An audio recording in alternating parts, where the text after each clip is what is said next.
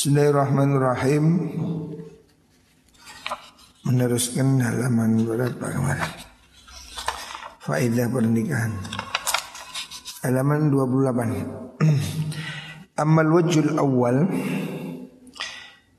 Qala al-musannif rahimahullah Amal wajul awal Fahuwa adakul wujuhi Wa ab'adiha An afhamil jamahir Amal wajul awalu tay wajah kang kawitan.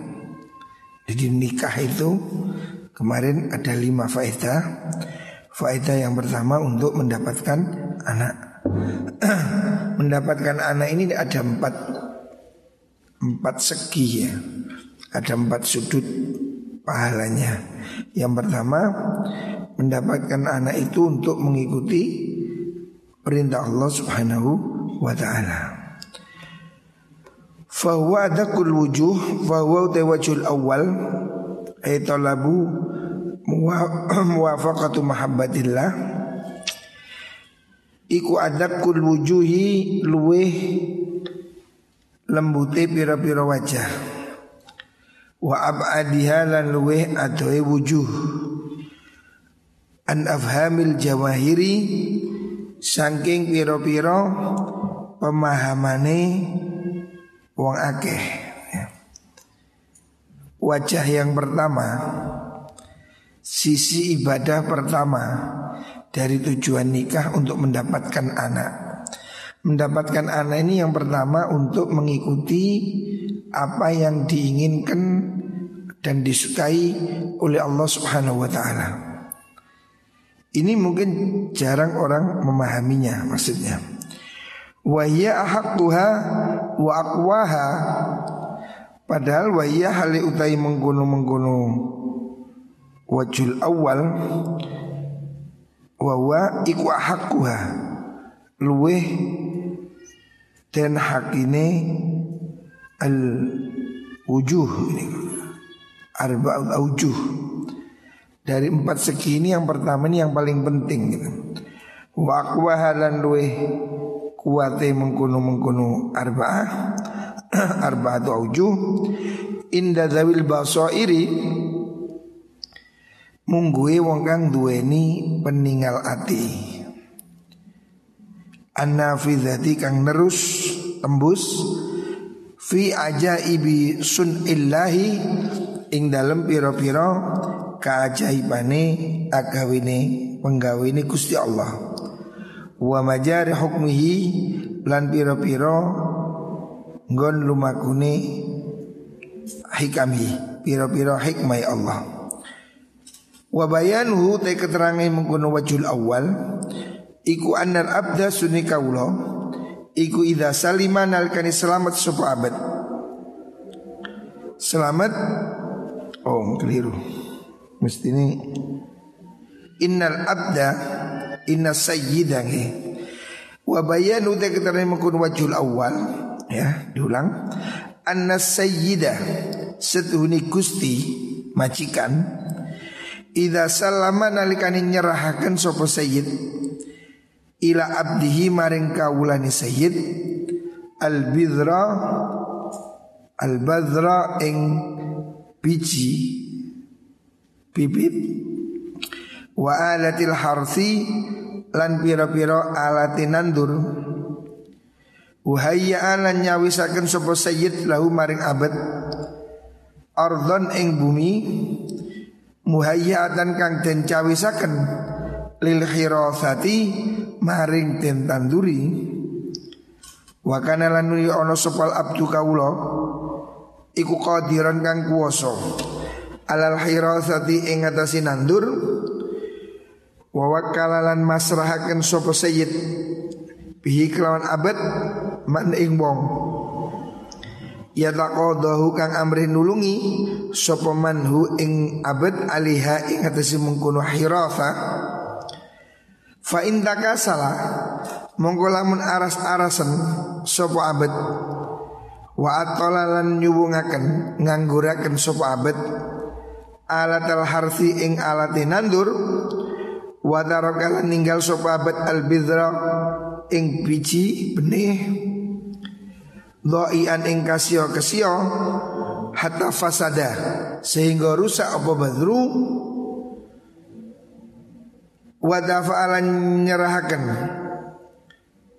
sapa al muwakkilu sapa al muwakkalu wong kang den pasrai an nafsihi saking awak dhewe muwakkal bino klan warna minal hilati saking rekadaya rekayasa karena mongko sapa abet iku mustahikan ngahaki lil mukti maring den bendoni wal aitabilan den cacat-cacat min sayyidi saking gustine abad.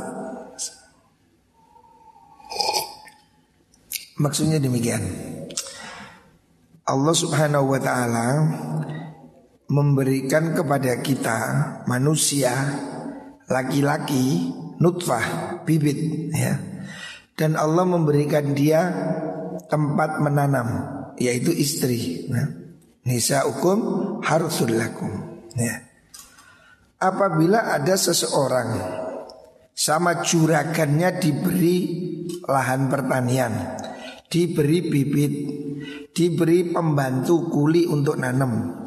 Terus dia tidak menanam, dibiarkan sawahnya nganggur, bibitnya tidak ditanam, berarti dia telah menyia-nyiakan amanah.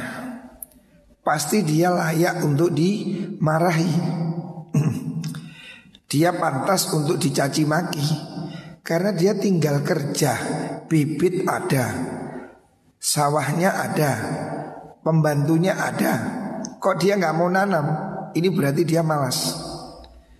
Seperti itu ibaratnya seorang laki-laki yang tidak mau menikah. Menurut Imam Ghazali, ibaratnya orang tidak mau menikah itu seperti petani yang telah dibeli bibit, diberi bibit, diberi lahan, diberi pacul, diberi kuli, tapi tidak mau kerja.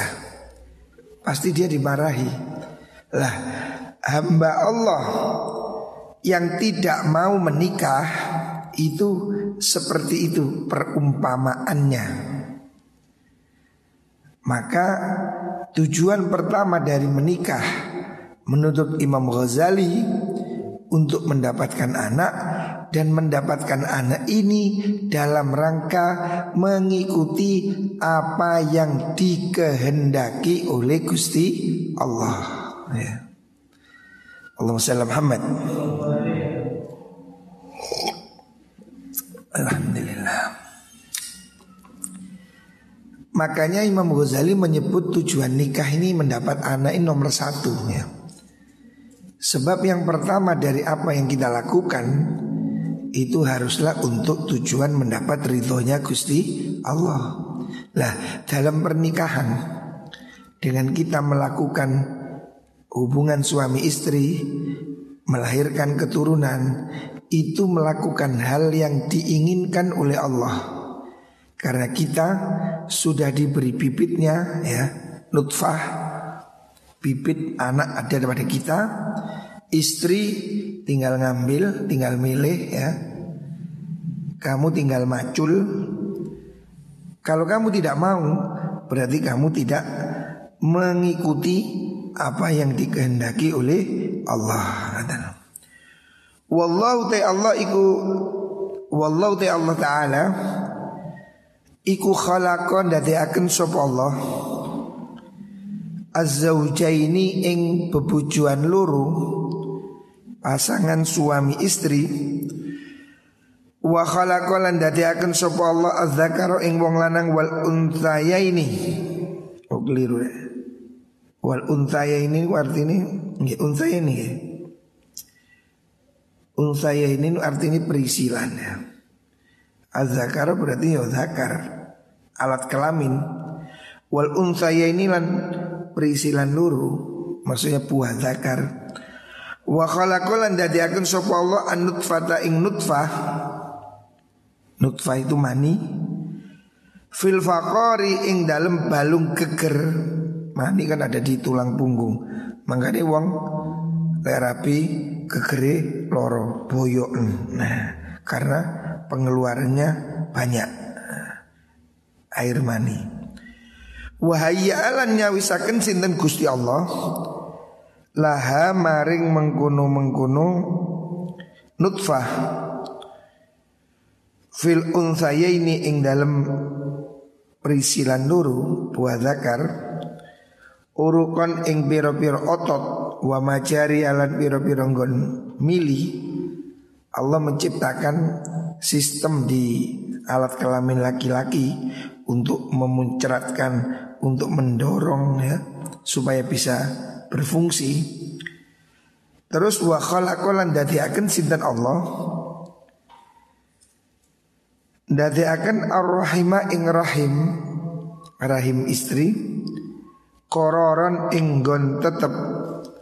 Wa mustaudaan lan gon nitipaken lin nutfati maring nutfah.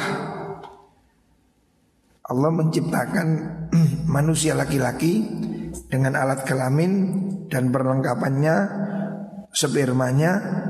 Terus Allah ciptakan wanita dengan rahimnya dengan apa yang tempat penyimpanannya. Wasallatolan nguasaaken sop Allah mutaqadha syahwati ing perkara kang nari syahwat. Ala kulli wahidin ing atase saben-saben suwiji minadzakari saking wong lanang wal unsa lan wong wadon. Fahadil af'alu taikila pira-pira penggawe wal alat tulan pira-pira alat ikut tasyhadu nyakseni opo hadil af'al? Bilisanin kelawan lisan zalqin kang fasih. Fil i'rabi dalam mertelaaken an muradi khalqihi. An muradi khaliqihi. Saking kekarepane zat kang akan mengkuno af'al wal alat. Wa lan ngundang-undang apa mengkuno af'al arbabal albabi ing pira-pira wong kang duweni akal sempurna bita'rifi maklan ngeruahkan perkara Uiddat kang den cawisaken opo alat lahu krono arema. Hadza utai kilah mengkuno mengkuno khalqur rahim ilah niku Iku ilam yusarrih lamun ora mertelaken bihi kelawan mengkuno mengkuno hadza sop al khaliqu Gusti Allah kang akan Ta'ala halil luhur amahulur Allah. Ala lisani rasulihi Ingatasi lisani Rasul Allah Sallallahu alaihi wasallam. Bil muradi klan perkara kang den karepaken haitsu qala sekirani dawuh sinten Allah eh sinten Rasulullah Tanah salu tanah kahu podo nikah nikah sira kabeh tanah salu nuli podo turun temuruno maksudnya saling me, apa beranak pinak sira kabeh. Fakaifa monggo hale kaya apa? Wakut soroha teman-teman mertelakan sapa Allah bil amri kelawan perintah wa bahalan bunga-bunga sapa Allah bisiri kelawan rahasia atau faidah nikah. Ya. Maksudnya apabila seorang hamba ya manusia ya mengerti bahwa dia telah diciptakan dalam dua bentuk yang beda. Ada laki-laki, ada perempuan. Laki-laki diberi alat kelamin. Alat kelaminnya khusus, bentuknya khusus. Ya. Ada onderdilnya lengkap. Nah. Oh itu onderdilnya macam-macam di dalamnya itu. Bisa memuntahkan peluru itu kan perlu otot-otot perlu apa namanya power-power yang ada di dalamnya ya. Itu ke keajaiban loh. Benda paling antik di dunia itu. Paling enteng di dunia dan paling abot di dunia. Kadung enteng mumbul dewi. Lek kadung macet diangkat mbek traktor yo rutumane. Hmm, abot banget. Alat kemaluan laki-laki diciptakan sedemikian rupa supaya bisa melakukan pembuahan pada rahim perempuan dan rahim perempuan dibentuk sedemikian rupa supaya bisa menampung sperma ya. Dan Allah memberikan daya dorong berupa syahwat sehingga laki-laki mencintai pasangannya, perempuan juga menyukai pasangannya sehingga klop masing-masing ada tenaga untuk melakukannya. Ini gitu ya. Penciptaan seperti itu tanpa dijelaskan sebetulnya sudah bisa difaham bahwa memang manusia itu disuruh produksi. Lah dikei apa kon duwe alat iku? Lek ngono. Masuk dikei nguyut tok. Ya rugi ta. Sunate loro. Ya kamu secara akal sehat sudah bisa memikir Oh iya saya laki-laki punya alat, punya anu Gunanya untuk anu gitu Tanpa dijelaskan manusia itu harusnya sudah ngerti Apalagi masih dijelaskan oleh Rasulullah Shallallahu Alaihi Wasallam. Nabi masih memberi perintah tanah kahu tanah salu Nikahlah kamu beranak pinaklah Jelas. Dan Allah juga memberi gambaran penting. Nisa hukum harsul lakum fa'tu perintah. Fa'tu harsakum anna syi'tum Lengkap Allah merintah Rasulullah merintah Alatnya ada ya. Maka kalau ada orang nggak mau menikah Atau ada orang menikah nggak mau punya anak ini berarti pantas kalau dimarahi Karena dia telah menyia-nyiakan apa yang diciptakan oleh Gusti Allah gitu. Allah salam Muhammad Jadi agama Islam ini rasional betul. Ada agama lain yang tidak membolehkan menikah. Kiainya pendeta nggak menikah. Itu pasti tersiksa ya. Karena manusia ini pasti secara naluri nggak mungkin nggak kepingin pada lawan jenis ini kan. Secara normal nggak mungkin maka kalau dicegah pasti sakit ya. Lah manusia ini oleh Allah diberi solusi kamu punya anu digunakan untuk anu caranya begini ini solusi komplit dari Allah. Bayangkan seandainya syariat itu tidak membolehkan pernikahan, pasti kamu tersiksa.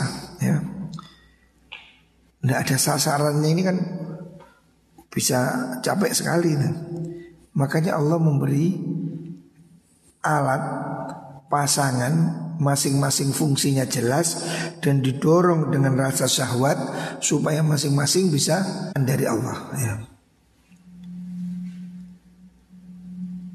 Fakullu mumtaniin mongko utai kabehane wong kang nyegah anin nikah sanging nikah iku mu'ridun wong kang mingu membelot anil hirasati sangking nandur mudayyi untur niyak-niyaken lil bazri maring bibit benih. Muatil untur kang nyuwungaken ngangguraken lima maring perkara khalaqa kang wis akan sinten Allahu Gusti Allah minal ayat nyatane saking pira-pira ayat ayat kekuasaan Allah al muaddadi kang den cawisaken wajanalan duraka sapa wong ala maksudil fitrati ing atase maksud fitrah kedatiane menungso. Dari urian itu maka kalau ada orang tidak mau menikah Berarti dia itu betul-betul menyia-nyiakan kesempatan yang telah diberikan oleh Gusti Allah Orang yang tidak mau pada lawan jenis Tidak mau menikah Bahkan menikah dengan yang sejenis Ini betul-betul melakukan pelanggaran ya. Wong Allah itu sudah memberi kamu alat kelamin ini kan beda tuh. Laki-laki dan perempuan kan beda. Kamu laki-laki harusnya pasangannya ya perempuan. Kok ada orang laki-laki milih pasangan laki-laki? Mereka repot ini alatnya podo. Ini mau nikah apa mau anggar nggak jelas sih. Ini arti lapo ya. Nggak jelas itu. Ini durhaka ya.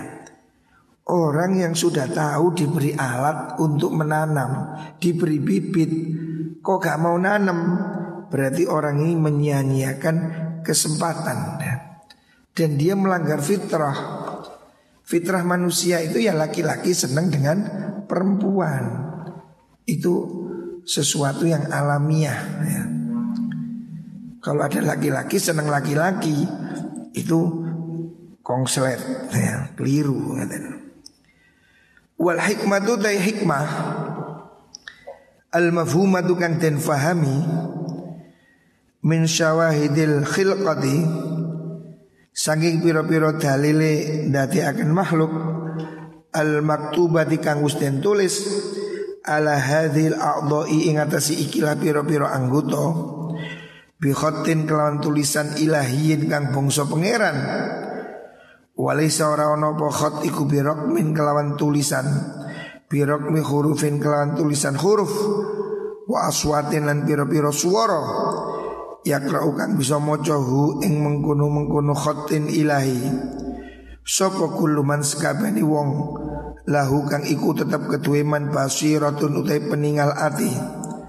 Robbaniyatun kang bongso kepengeranan. Nafitatun kang tembus fi idraki daqaiqil hikmati ing dalam metui pira-pira lembuti hikmah. Al azaliyati kang bongso azali azali itu masa yang dahulu kala ya. hikmah ilahiyah ya. hikmah dari penciptaan manusia ya itu bisa difahami dari penciptaan makhluk inilah Kenapa kita ini diciptakan laki-laki dan perempuan? Ini sudah bisa difahami kalau kita supaya mengambil pasangan yang benar. Gitu. Nggak perlu ditulis pun ini sudah bisa dibaca. Gitu. Tulisan Tuhan ini tanpa huruf bisa dibaca bahwa penciptaan manusia ada laki-laki, ada perempuan, dan ada ketertarikan antara laki ke perempuan. Ini adalah hikmah ilahiyah. Ini adalah kehendak yang dimaksud oleh Allah dari penciptaan makhluk supaya kamu laki-laki dan perempuan berpasangan menikah dan melahirkan keturunan supaya bumi ini tidak kosong ya bumi ini terus menerus ada yang mati ada yang hidup ya khalaqal mauta wal hayata liyabluwakum ayyukum ahsanu amala ada hidup, ada mati, terus seperti itu. Lah kalau orang-orang tidak mau menikah, habis bumi ini mati, mati, mati, selesai.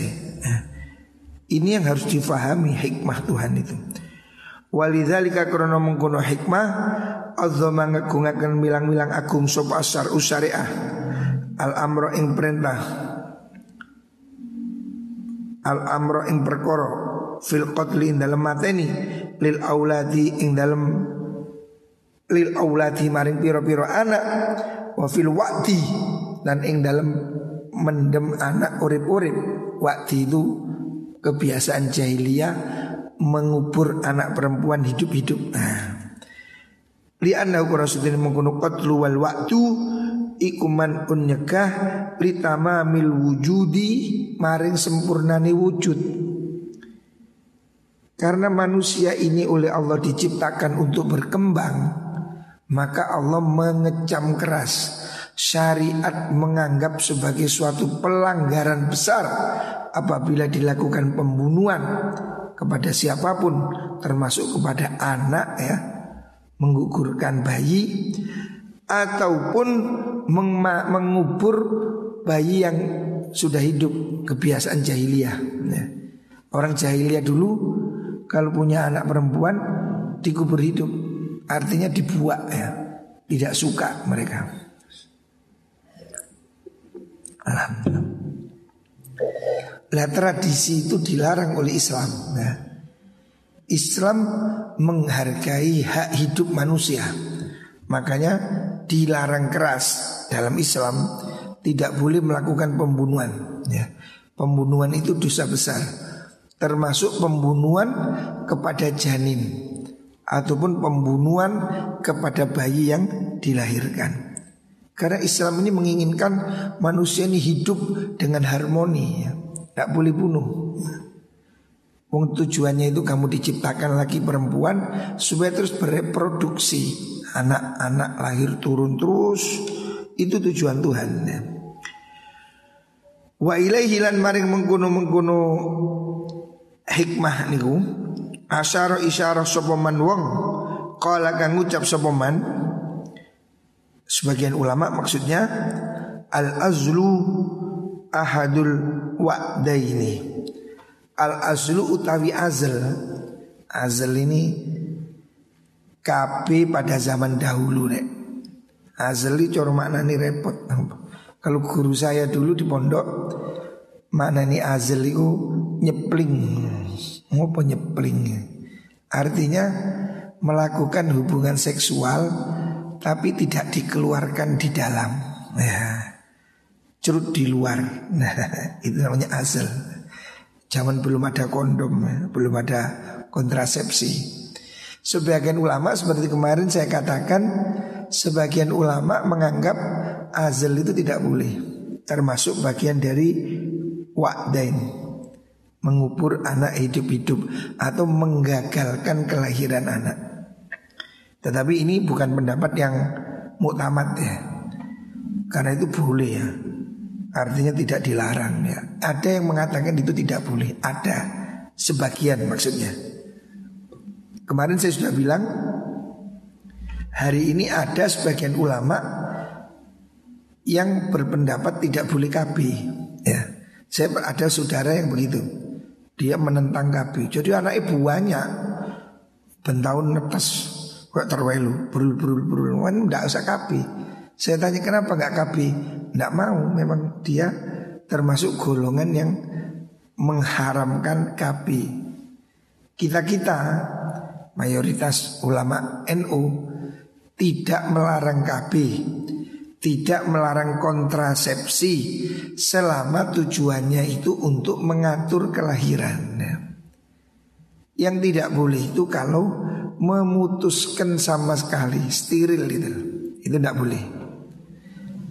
Tapi kalau pakai kondom ya, ngerti kondom, ya itu loh, pelembungan ya. Atau memakai alat kontrasepsi yang lain dan tujuan untuk kelahiran itu boleh gitu. Tapi sebagian ulama ada yang mengatakan tidak boleh karena dia berpendapat kekeh tujuan menikah itu memang untuk punya anak. Lah kalau ditutupi kondom kan gak jadi anak. Nah, makanya kalau zaman dulu namanya azal. Azal itu dikeluarkan di luar. Di luar pagar. Ya mbungku naruh dewi ojo takon. Fanakihu mongkau tayi wong kang nikah iku sain wong kang lumaku fi itmami ma ing dalem nyempurnaaken perkara ahabba kang demen sinten Allah taala Gusti Allah taala tamamahu ing sempurnane mengkono mengkono ma habballah Menurut pendapat yang tidak membolehkan azal atau kalau hari ini ya kontrasepsi itu berpendapat sebab nikah itu tujuannya untuk menyempurnakan apa yang dikehendaki Allah yaitu punya anak itu. Wal mu'ridu tai wong kang mingu Mingu maksudnya tidak setuju Tidak ingin punya anak iku mu'attilun wong kang nyuwungaken menyia-nyiakan wa mudayyi'un lan tegese nyiaken lima maring perkara kariha kang sengit sinten Allah Gusti Allah ahu ing niak-niaken ma Menurut pendapat sebagian ulama ini melakukan azal kalau hari ini ya memakai alat kontrasepsi itu dianggap menyia-nyiakan bibit sperma yang Allah tidak suka kalau disia-siakan. Karena kan mani itu kan bibit. Jangan dibuang-buang ya. Apalagi dibuang di cedeng. Hmm, jangan dibuang-buang. Kalau kamu ingin menikah. Nah, ini menurut pendapat yang mengatakan demikian. Wali ajli mahabbatillahi ta'ala Lan krono arait demeni Allah ta'ala in nafsi maring tetepi awa-awaan in nufus maring tetepi piro-piro awa-awaan Awa-awaan itu maksudnya makhluk hidup Karena Allah menginginkan manusia ini terus hidup Terus berkembang Amaro perintah sinten Allah Bil it'ami kelawan aweh mangan Allah memerintahkan wajib bagi kita memberi makan orang miskin ya. Dan Allah mengecam keras orang-orang yang tidak mau memberi makan orang miskin. Sampai Allah katakan ara'aital ladzi yukadzibu biddin. Fadzalika alladzi yad'ul yatim wa la yahuddu ala miskin. Ya. Allah sangat menyuruh supaya orang-orang ini saling memberi ya. Memberi makan, memberi zakat, memberi sodako Tujuannya apa?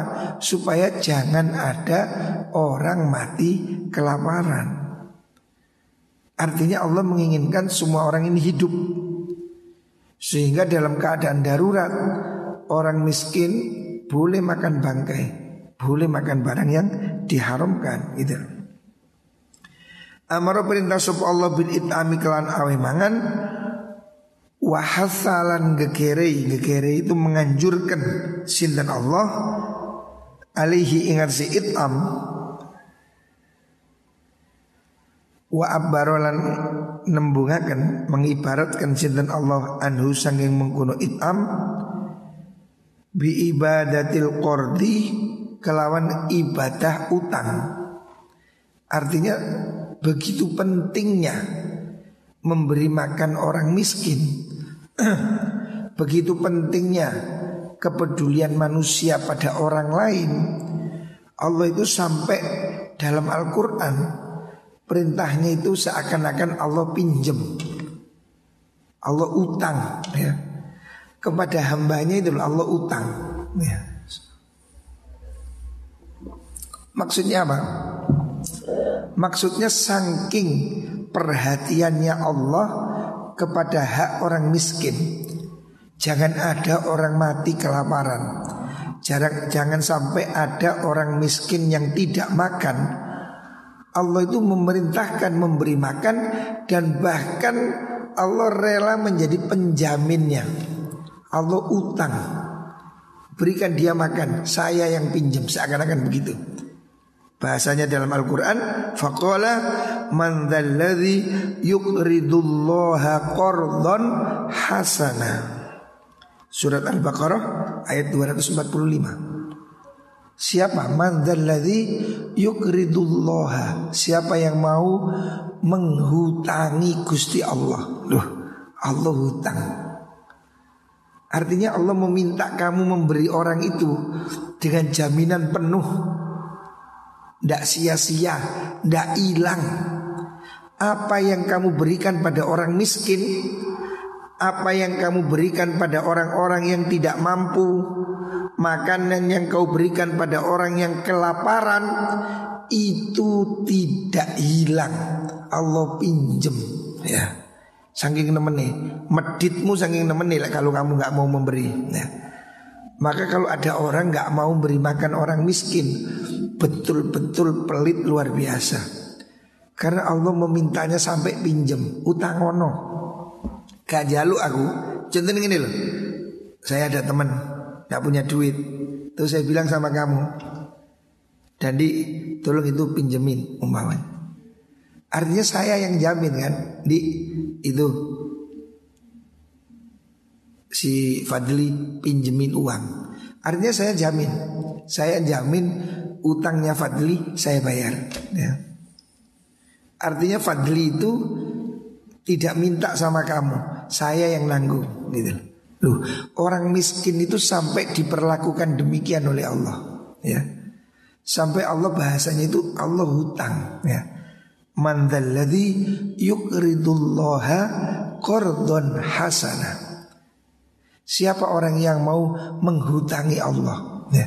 Allah menawarkan, ayo beri makan orang miskin itu. Seakan-akan kalau saya beri dia makan, saya yang nanggung. Ya. Aku sing bayar, gitu loh. Fadli punya warung, saya bilang Dili, ini Rosid kasih makan, saya yang nanggung. Ya. Artinya kalau Fadli nggak mau ngasih Rosid makan, berarti Fadli ini melecehkan saya. Wong saya ini juraganmu. Kamu tak suruh ngasih makan Rosid, tak jamin sih gak oleh, nah, tak tempeling kan Kurang asem kan. Loh, Allah itu marah kalau ada orang miskin tidak diberi makan. Karena Allah sudah bahasanya sampai demikian. Siapa yang mau ngutangi saya ya. Siapa mau ngutangi Allah Allah itu bahasanya sampai pinjem ya. Bukan hanya menyuruh Bukan hanya berilah dia Bukan utang ono hmm. Kan beda ya Kalau saya bilang sama karyawan toko saya Dari anak itu kasih makan pinjem ono. Kan padahal itu barang milik saya. Saya suruh dia minjemin. Itu kan garansinya saya. Nah makhluk hidup di dunia ini semuanya adalah miliknya Gusti Allah. Dan Allah merintahkan haknya Allah yang ada pada kita, haknya Allah yang ada pada saya untuk diberikan pada orang miskin. Orang miskin itu petugas Gusti Allah, ya. Orang miskin datang ke rumah kita itu tidak berangkat sendiri. Dia disuruh Allah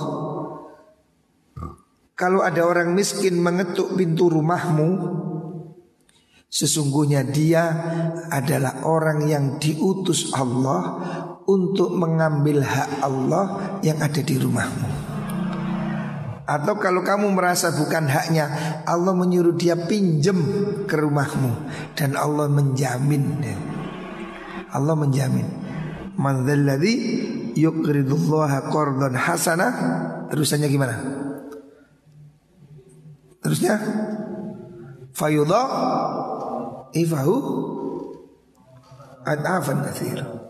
Siapa orang mau kasih pinjaman, Allah akan bayar berlipat ganda. Ya. Allah itu loh mintakan orang miskin sampai dengan bahasa saya pinjemi, pinjemi dia tak bayar berlipat ganda. Loh, saking sayangnya Allah kepada kehidupan ini ya. Allah tidak ingin ada orang mati kelaparan. Allah tidak rela kalau ada hambanya mati dalam derita kelaparan. Maka Allah wajibkan orang memberi dia. Kalau dia merasa nggak wajib, udah saya pinjem ya. Allah menggaransi. Makanya bahasanya dalam Al-Quran Man yukridullaha qardon hasana Ayo siapa yang mau meminjami Allah kamu memberi orang miskin Kamu beri dia fakir miskin Kamu beri dia orang-orang tidak mampu Anak yatim, janda-janda Atau petugas lazis Sesungguhnya kamu meminjamkan uangmu pada Gusti Allah Dan Allah menjamin Akan dikembalikan berlipat ganda ya. Makanya jangan jadi pelit ya Kalau ada orang miskin berilah Walaupun potongannya gak pantas. Kan kadang ada anak muda gagah-gagah ngamen. Ya sucuk kaki ngomong ke ono. Nah, ngemis oh, ya. Siapa pun minta berilah. Ada orang ngemis, ada orang minta makan, berilah ya. Apa yang kamu berikan pada orang miskin, apa yang kau berikan pada mereka orang-orang yang tidak mampu, sesungguhnya itu kau pinjamkan. Tidak hilang ya apa yang kau berikan pasti akan dikembalikan ya. Siapa yang memberi pasti akan menerima ya. Makanya jangan jadi pelit ya. Jangan pelit kepada makhluknya Allah. Berilah. Semakin kamu banyak memberi, semakin banyak kamu menerima. Itu pasti. Sama dengan orang nafas nih. Kalau kamu ambean, nyedotnya keras, keluarnya keras nyedot lagi keluar masuk Kalau kamu sedot terus gak kok tokno. Sesek kon. Sesek. Makanya kalau kamu nerima, keluarkan, nerima, keluarkan. Jangan pelit ya. Sedekah, sedekah. Berilah sedekah ya. Kalau kamu beri sedekah, beri orang miskin, beri orang-orang yang butuhkan. Allah pasti menghitung ya. Muka-muka dilipat gandakan kebaikan kita oleh Allah Subhanahu wa taala.